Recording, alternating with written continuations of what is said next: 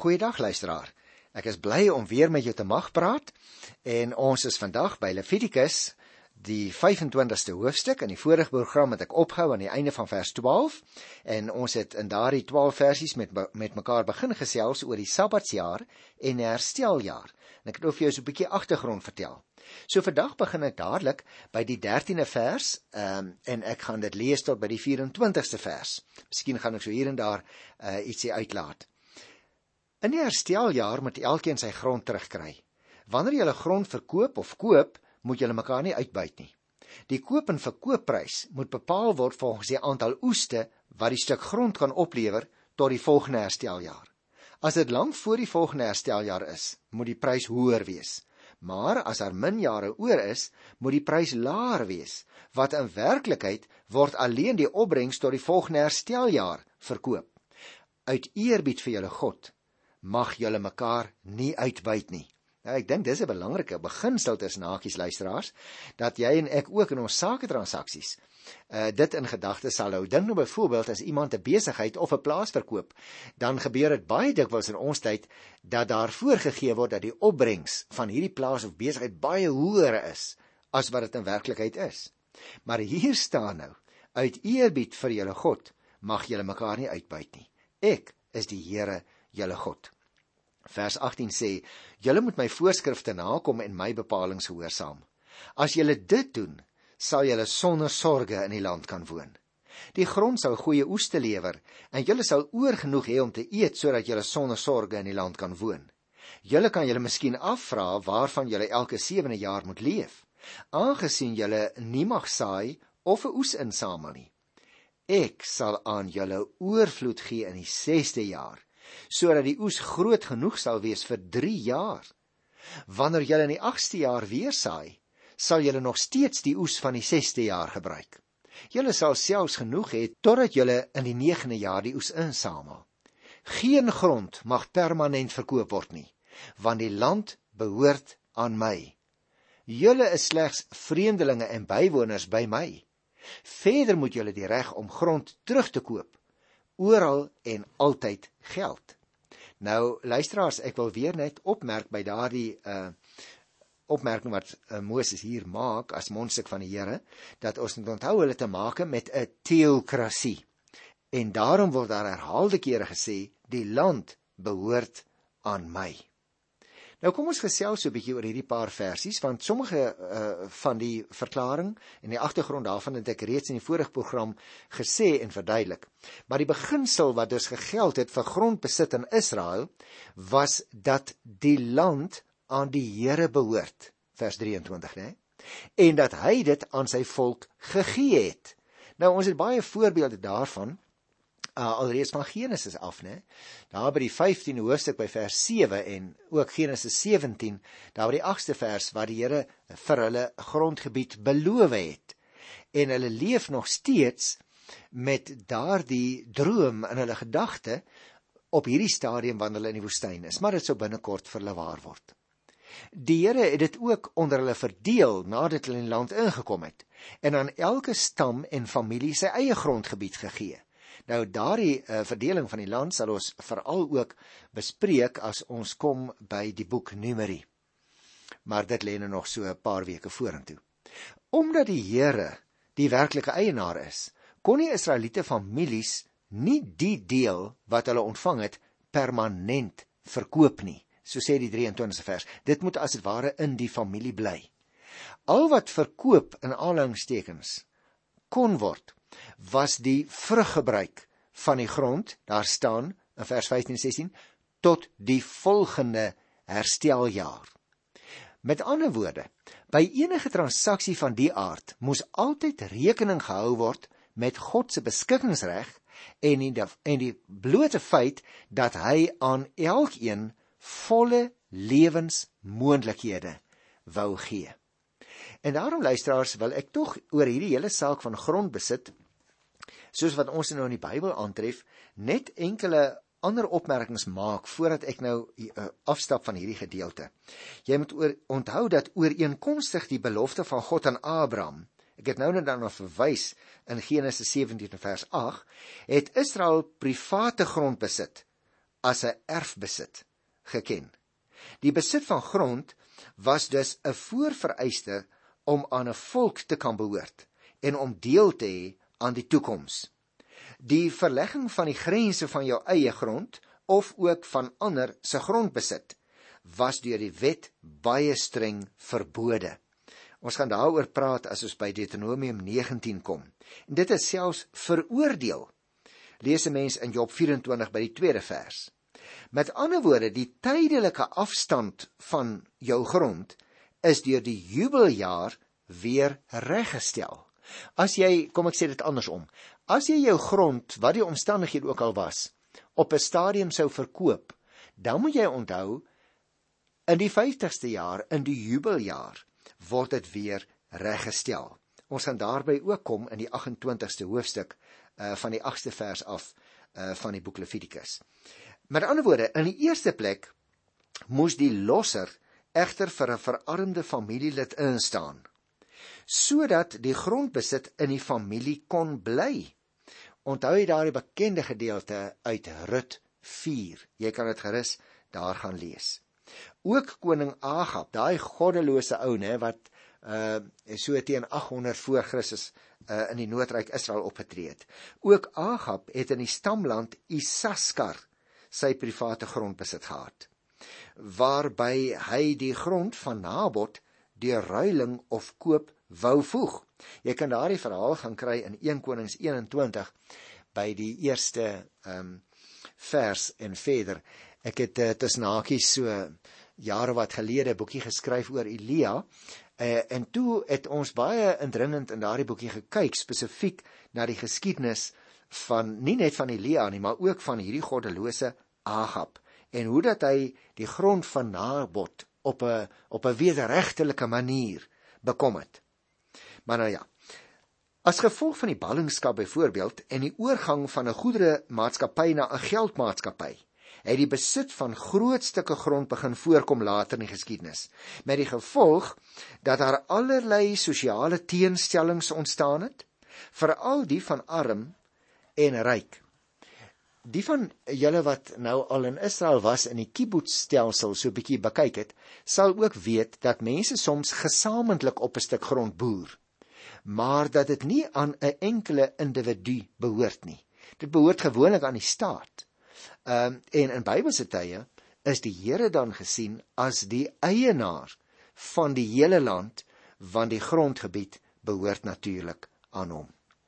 Nou kom ons gaan ons 'n bietjie verder. Anders kry ons nooit klaar nie. Dit is my altyd lekker om die agtergrond te vertel, maar ons moet daarom uh, nie net by die agtergrond bly nie. Ek gaan nou lees hier by Levitikus 25 van vers 25 tot 27. Wanneer 'n Israeliet deur armoede verplig was om van sy grond te verkoop, moes die naaste manlike familielid dit vir die eienaar terugkoop. Daarom het ek nou net so 'n bietjie met jou eers afgewyk en so 'n bietjie gesels oor grondbesit. So 'n familielid moes die grond terugkoop as dit enigstens kan. Vers 26 sê: Wanneer daar nie iemand is wat dit kan terugkoop nie, kan dit gebeur dat die persoon later self genoeg geld bymekaar gemaak het om die grond terug te koop. Die aantal jare wat verloop het sedert die grondtransaksie moet dan in berekening gebring word en die oorspronklike eienaar moet die koper slegs uitbetaal vir die seisoene wat nog oor is tot die volgende hersteljaar. Die oorspronklike eienaar kan dan weer sy grond in besit neem. Nou ek wil amper sê ek wens ek was dit was vandag nog so. Maar nou ja, eh, dit het nou heeltemal verander. Kom ons kyk na hierdie uh, verse 25 tot 27. Daar staan wanneer 'n Israeliet deur armoede sy grond verloor in vers 25. Dan moes hy dit uiteindelik weer terugkry, sê die res van die verse wat ons gelees het. Nou daar was nou drie moontlikhede luisteraars. Nommer 1. Die ideaal was dat 'n naaste manlike familielid die grond terugkoop. 'n Bepaalde volgorde het nou natuurlik gegeld as grond teruggekoop op losgekoop moes word. Die plig het dus in die eerste plek gerus op die broers van die verarmde As een van hulle nie die verpligting kan nakom nie, tweedens moes 'n oom aan vaderskant dit doen. En volgende, nommer 3, volgende ry eers was die neefs aan vaderskant en so die kring al weier geword. Kom ek sê dit anders. Paas en seuns word nie vermeld nie omdat 'n Israeliet eers beheer oor sy grond verkry het na sy pa se dood. As iemand, soos dit hier staan, as iemand dus kon skuld maak en sy grond verkoop, vers 25, dan was sy pa reeds dood. Seuns was onder die jurisdiksie van hulle pa. As geen een van die familielede kans gesien het om die verarmde te, te help nie, eers dan het die betrokke persoon die reg gehad om wanneer hy genoeg geld kon bymekaar maak. Dit was die voorwaarde. Kon hy die grond of liewer die vrug gebruik self terugkoop, sê vers 26. Omdat die vruggebruik in 'n hersteljaar buitendien na hom toe sou oorgaan, moes die terugkoopgeld bereken word, so het ons gelees, volgens die seisoene wat tog oor was tot die volgende hersteljaar, sê vers 27. Kom ons kyk net 'n oombliekie na vers 28. Hier staan: As hy egter nie genoeg geld bymekaar kry om die grond terug te koop nie, bly die koper in beheer daarvan tot die volgende hersteljaar. In die hersteljaar moet hy die grond ontruim en die oorspronklike eienaar moet dan weer sy grond in besit neem. Jy sien, luisteraar, in die hersteljaar, sê vers 28 nou, het die man wat verplig was om in die jare wat verby sy grond te verkoop, weer onvoorwaardelik beheer oor sy grond verkry. En dit het natuurlik net verseker dat die grond nooit uit die familie sou gaan nie. Maar kom ons kyk nou by vers 29 tot 34 want hier kry ons nou 'n ander 'n uh, interessante klompie inligting. Wanneer iemand 'n woonhuis in 'n ommuurde stad verkoop, moet hy 'n volle jaar lank die reg behou om dit terug te kan koop. As hy nie binne 1 jaar van hierdie reg gebruik maak nie, verval sy aanspraak op die betrokke huis en word dit die wettige eiendom van die koper en sy erfgename. 'n woonhuis in 'n ommuurde stad val dus nie terug in die hersteljaar nie. Woonhuise in dorpe wat nie mure om het nie, geld as deel van die platteland, staan hier. Die oorspronklike eienaar het die reg om dit enige tyd terug te koop en in die hersteljaar val dit weer terug na hom toe. In die Lewiete stede, die Lewiete die onvervreemdbare reg om woonhuise waarvan hulle die oorspronklike eienaars was, terug te koop. Wanneer, so sê vers 33, wanneer 'n leviet 'n huis wat hy in 'n leviete stad gekoop het, terugverkoop aan die oorspronklike eienaar wat nie 'n leviet is nie, moet die huis in die hersteljaar terugval na die leviet toe, want die huise in die leviete stede moet in Israel die eiendom van die leviete wees. Die weiveld om die leviete stede mag nooit verkoop word nie, want die leviete het 'n onvervreembare reg daarop. Nou dit is baie interessant want ons het nou al van die leviete gelees en ek het al van tevore melding gemaak dat die priesters nie die reg gehad het om grond persoonlik te besit nie. Nou in die geval van die woonhuise het ons nou hier 'n interessante uitsondering. Het die voorskrifte vir die hersteljaar ook gegeld as die huis op familiegrond gestaan het? Nou word daar ook gesê dorpe wat nie 'n stadsmuur omgehad het nie, was deel van die familiegrond. Interessant vers 31. Met ander woorde, stede met vestingmure om was altyd onder staatsbeheer. Daar het 'n ander vorm van terugkoopreg op woonhuise gegeld as wat gegeld het op grond. Plaasgrond op boerderygrond, né, as jy wil. Eintlik was dit net maar 'n opsie om die huis teen dieselfde prys terug te koop, staan daar. Die opsie moes binne 1 jaar uitgeoefen word volgens vers 30. nou ek ek sou bly gewees as in ons tyd ook so was, né? Maar hier kyk jy eintlik elke paar maande, veral in die stede, hoeveel uh, het die waarde van jou eiendom waarskynlik gestyg. Maar hier, as jy dit binne 'n jaar verkoop, dan kon jy nou nie meer gevra het nie. Leviete stede staan hier ook was saam met die omliggende weiveld onder die beheer van die leviete. Dit was hulle in aanhalingstekens familiegrond, né, wat God aan hulle gegee het. Uh in Numeri 35 gaan ons ook nog daarby kom in die toekoms. In die geval van die leviete stede was daar dus 'n addisionele bepaling wat die oordrag van woonhuise aan leviete as die enigste eienaars in Israel moes bevorder volgens vers 33. Nou kom ek kyk hier by vers 35, dan uh, gaan ons so 'n klein bietjie verder tot by vers 38 wil ek dit graag lees. Wanneer 'n mede-Israeliet so in die skuld raak by jou dat hy nie kan betaal nie, moet jy hom help soos jy 'n vreemdeling of 'n bywoner sou help en hom by jou aan die lewe hou. Jy mag hom geen rente van enige aard betaal nie. Luister as ek gaan nou nou hierby terugkom want dit is 'n belangrike saak. Jy mag hom geen rente van enige aard laat betaal nie. Uit eerbied vir jou God. Dis interessant, né? Uit eerbied vir jou God moet jy jou mede-Israeliet by jou aan die lewe hou. As jy aan hom geld leen, moet dit dus rentevry wees. En as jy aan hom kos verskaf, moet dit teen kosprys wees. Ek is die Here julle God wat julle uit Egipte land laat trek het om Kanaan aan julle te gee en om julle God te wees. Nou kom ons gesels hieroor. Die Israeliete was uh, net soos die grond die eiendom van die Here. Jy skryf dit ook in vers 55. Daarom moes elke Israeliet met groot verantwoordelikheid teenoor God optree as 'n mede-Israeliet verarm geword het. So staan daar in vers 36. In die eerste plek moes hy bygestaan word sodat hy nie verder verarm nie.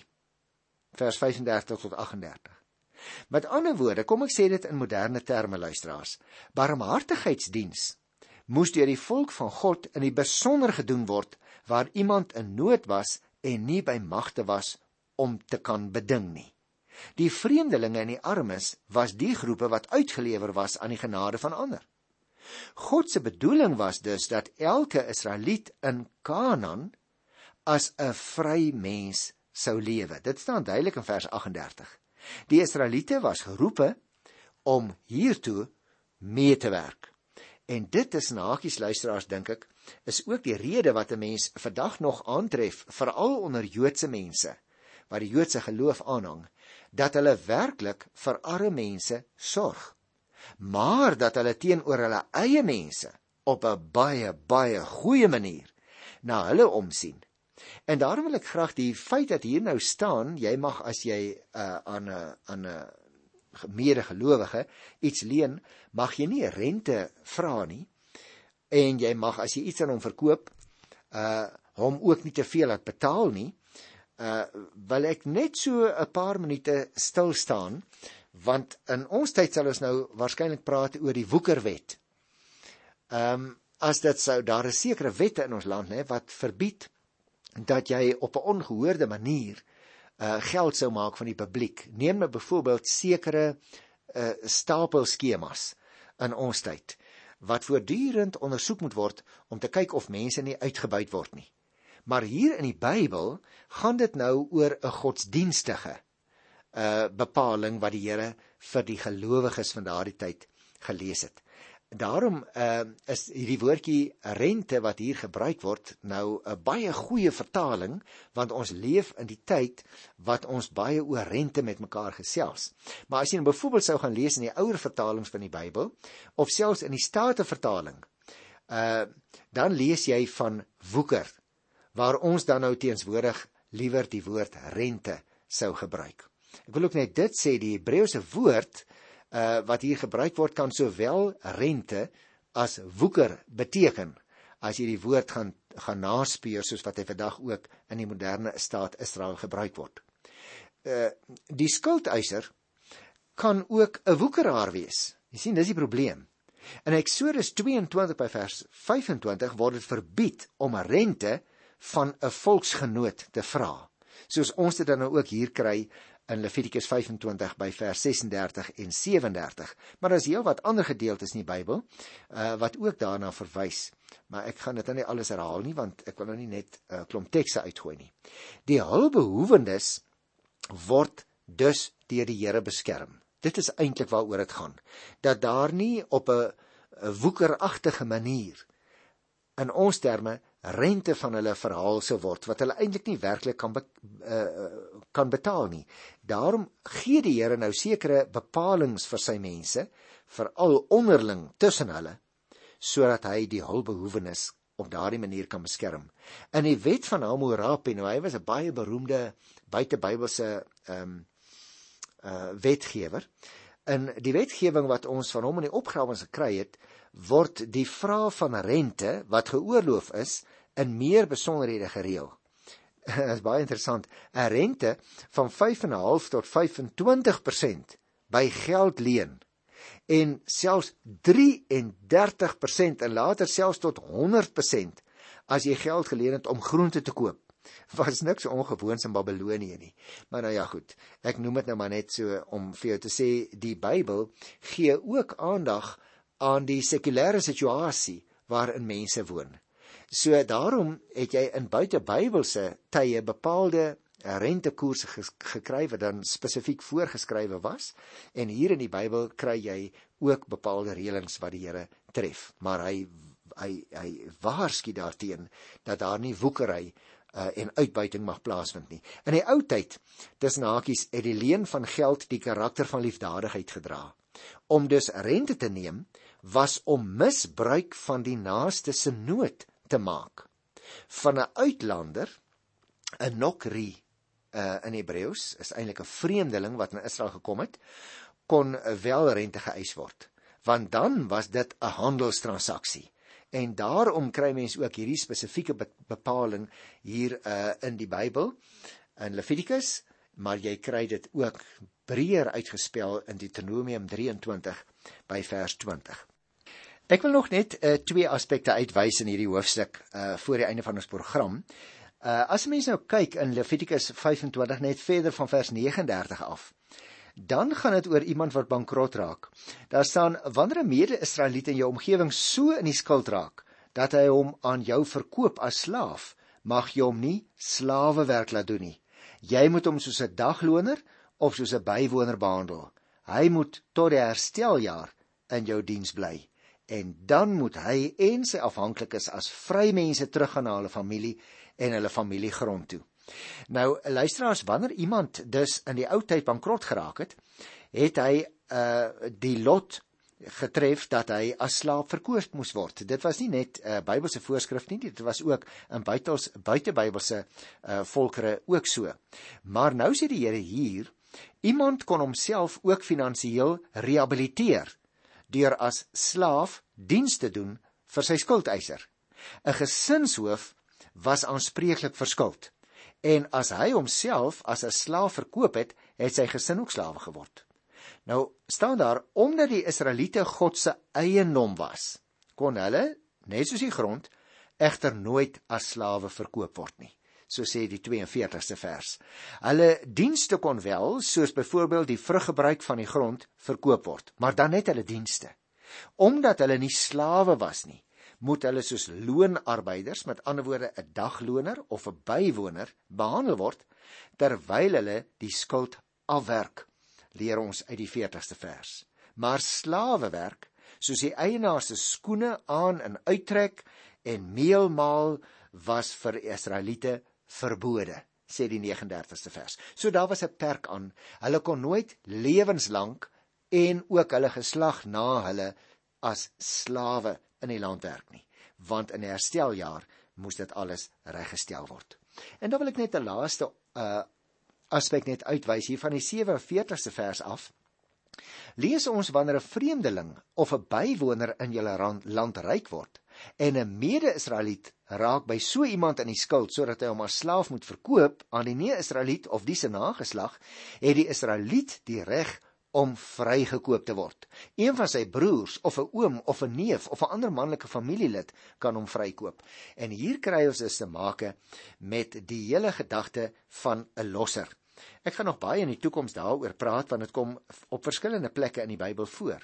Hier wil ek vandag net net uitwys dat 'n Israeliet kon egter vanweë sy skuld soos byvoorbeeld die familiegrond in vreemde hande laat beland.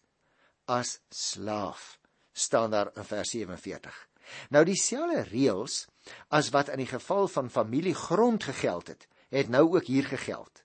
'n familielid moes hom vrykoop of anders kon hy homself later vrykoop teen 'n bedrag wat bepaal is volgens die oorblywende getal jare voor die volgende hersteljaar. Lees ons van vers 48 tot 53. Met ander woorde, die hersteljaar sou in elk geval ook vryheid vir hom en sy gesin bring Die ideaal was dus dat elke Israeliet 'n vry en 'n eerbare lewe sou lei op die grond wat sy familie van die Here ontvang het. Skuld en verarming en uitbuiting het hierdie ideaal dikwels bedreig. En die profete moes baie maal God se oordeel oor die uitbuiters aankondig.